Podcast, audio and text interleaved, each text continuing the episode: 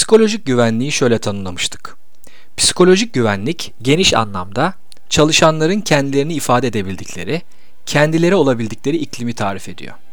Daha kesin bir tanım yapmak istersek, psikolojik güvenlik alanı olduğunda endişelerini, korkularını, gördükleri hataları başlarına bir şey geleceğinden endişe etmeden paylaşabilmeleridir.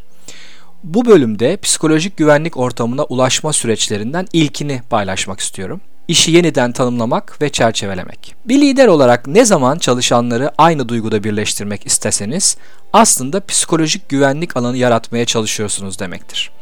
Burada en önemli beceriniz işi yeniden çerçevelemeniz olacaktır. Örneğin bir ürünün üretim hattından mükemmel yakın bir şekilde çıkması gerekiyorsa liderin işi bu mükemmelliği sağlayacak şekilde çalışanlara tanımlaması gerekir ya da tek bir madenciye bile zarar gelmemesinin en önemli hedef olduğu bir maden sahasında lider psikolojik güvenliği zor ve yapılması gereken bir kültür hedefi olarak tanımlayabilir. Eğer bir tıbbi laboratuvarda isek lider yeni bir tedavi üzerine çalışan ekibin hata yapma özgürlüğü olduğu bir ortam yaratmalı ve öğrenme süreçlerini paylaşmalıdır. Bu bölümde 3 adımda psikolojik güvenliğe ulaşmak için işin yeniden çerçevelenmesi sürecine bakmak istiyorum. 1.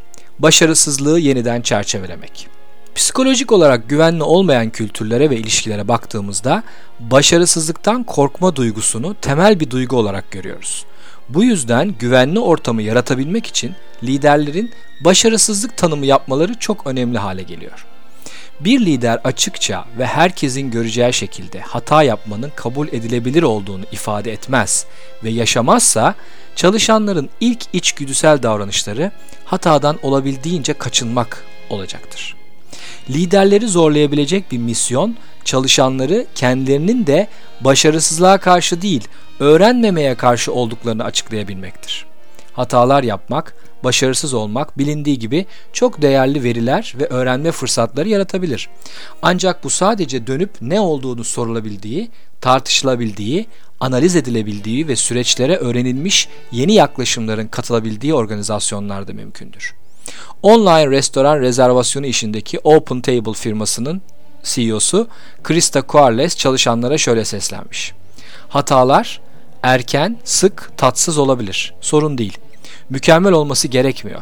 Çünkü bu şekilde çok daha hızlı düzeltebilir ve doğruyu bulabiliriz. Bazı iş alanlarında hatalar büyük sıkıntılara, zorluklara yol açabilir.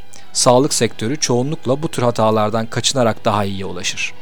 Bu tür organizasyonlarda da hataların erkenden tespit edilebilmesi, süreçte çalışanların gördüklerini söyleyebilmeleri, unvandan bağımsız kendilerini riske atmış hissetmeden doğru görmediklerini ifade edebilmeleri kritik önemlidir. 2. Neden acaba herkesin sesine ihtiyacımız var? İşin yeniden tanımlanması duruma göre değişkenlik gösteren ortamlar göz önüne alındığında farklı boyutlarda da yeniden tanımlamayı gerektirebilir. Burada önemli olan 3 ek önemli boyut belirsizlik, karşılıklı bağımlılık ve başarısızlık maliyeti olabilir. Bunların her birinin başarısızlık tanımıyla da yakın ilişkisi vardır. Belirsizliğin altını çizmek, çalışanlarda gelişen ani durumlara karşı bir merak ve alarmda olma duygusu oluşturabilir. Örneğin pazarda bir değişim veya bir ilaca gelişen bir yan etki veya uzak gelecekte olduğu düşünülen bir teknolojinin kullanılabilecek hale gelmesi gibi. Karşılıklı bağımlılığı çerçevelemek de insanların kendi işlerini yaparken aslında başka birçok çalışanın işine de etki yaptıklarının altının çizilmesidir. Bu da daha sık diyaloğu ve iletişimi teşvik etmeye yardımcı olur.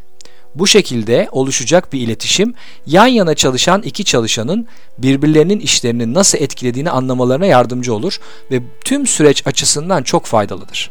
Bu da aslında liderin herkesin işiyle ilgili karşılıklı bağımlılık içinde risk alarak görüşlerinin duyulmasını sağlama misyonuyla da uyumludur. Son olarak başarısızlık maliyetini paylaşmak çalışan ekipte ek bir farkındalık yaratılmasına yardımcı olabilir. Bir hastanede veya bir üretim merkezinde hataların sonuçlarının bilinmesi çalışanın içinde bulunduğu büyük süreci kavramasını da sağlayabilir.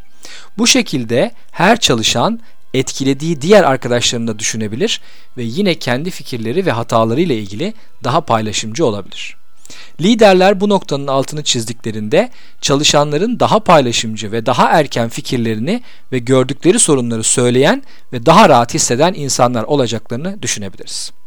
Veya başka bir örnek verecek olursam, bir deney sürecinin yaşandığı bir laboratuvarda lider deney istenen sonucu vermezse hep birlikte sadece biraz egomuz incinir derse ekip daha fazla ve farklı alternatifleri deneme cesaretini de kendinde bulacaktır. Son olarak anlam arayışına liderin katkısı.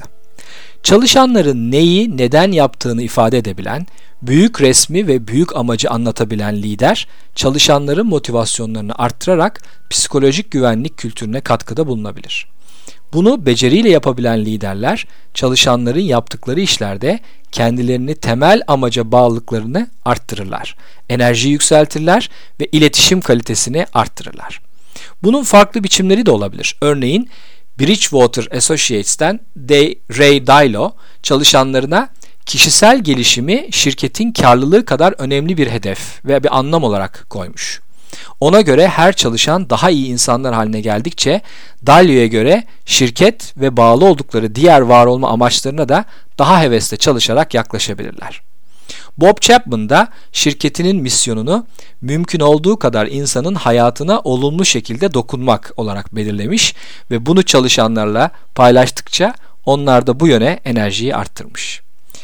Bir sonraki bölümde katılımı arttırma konusuyla bu önemli temaya devam etmek istiyorum.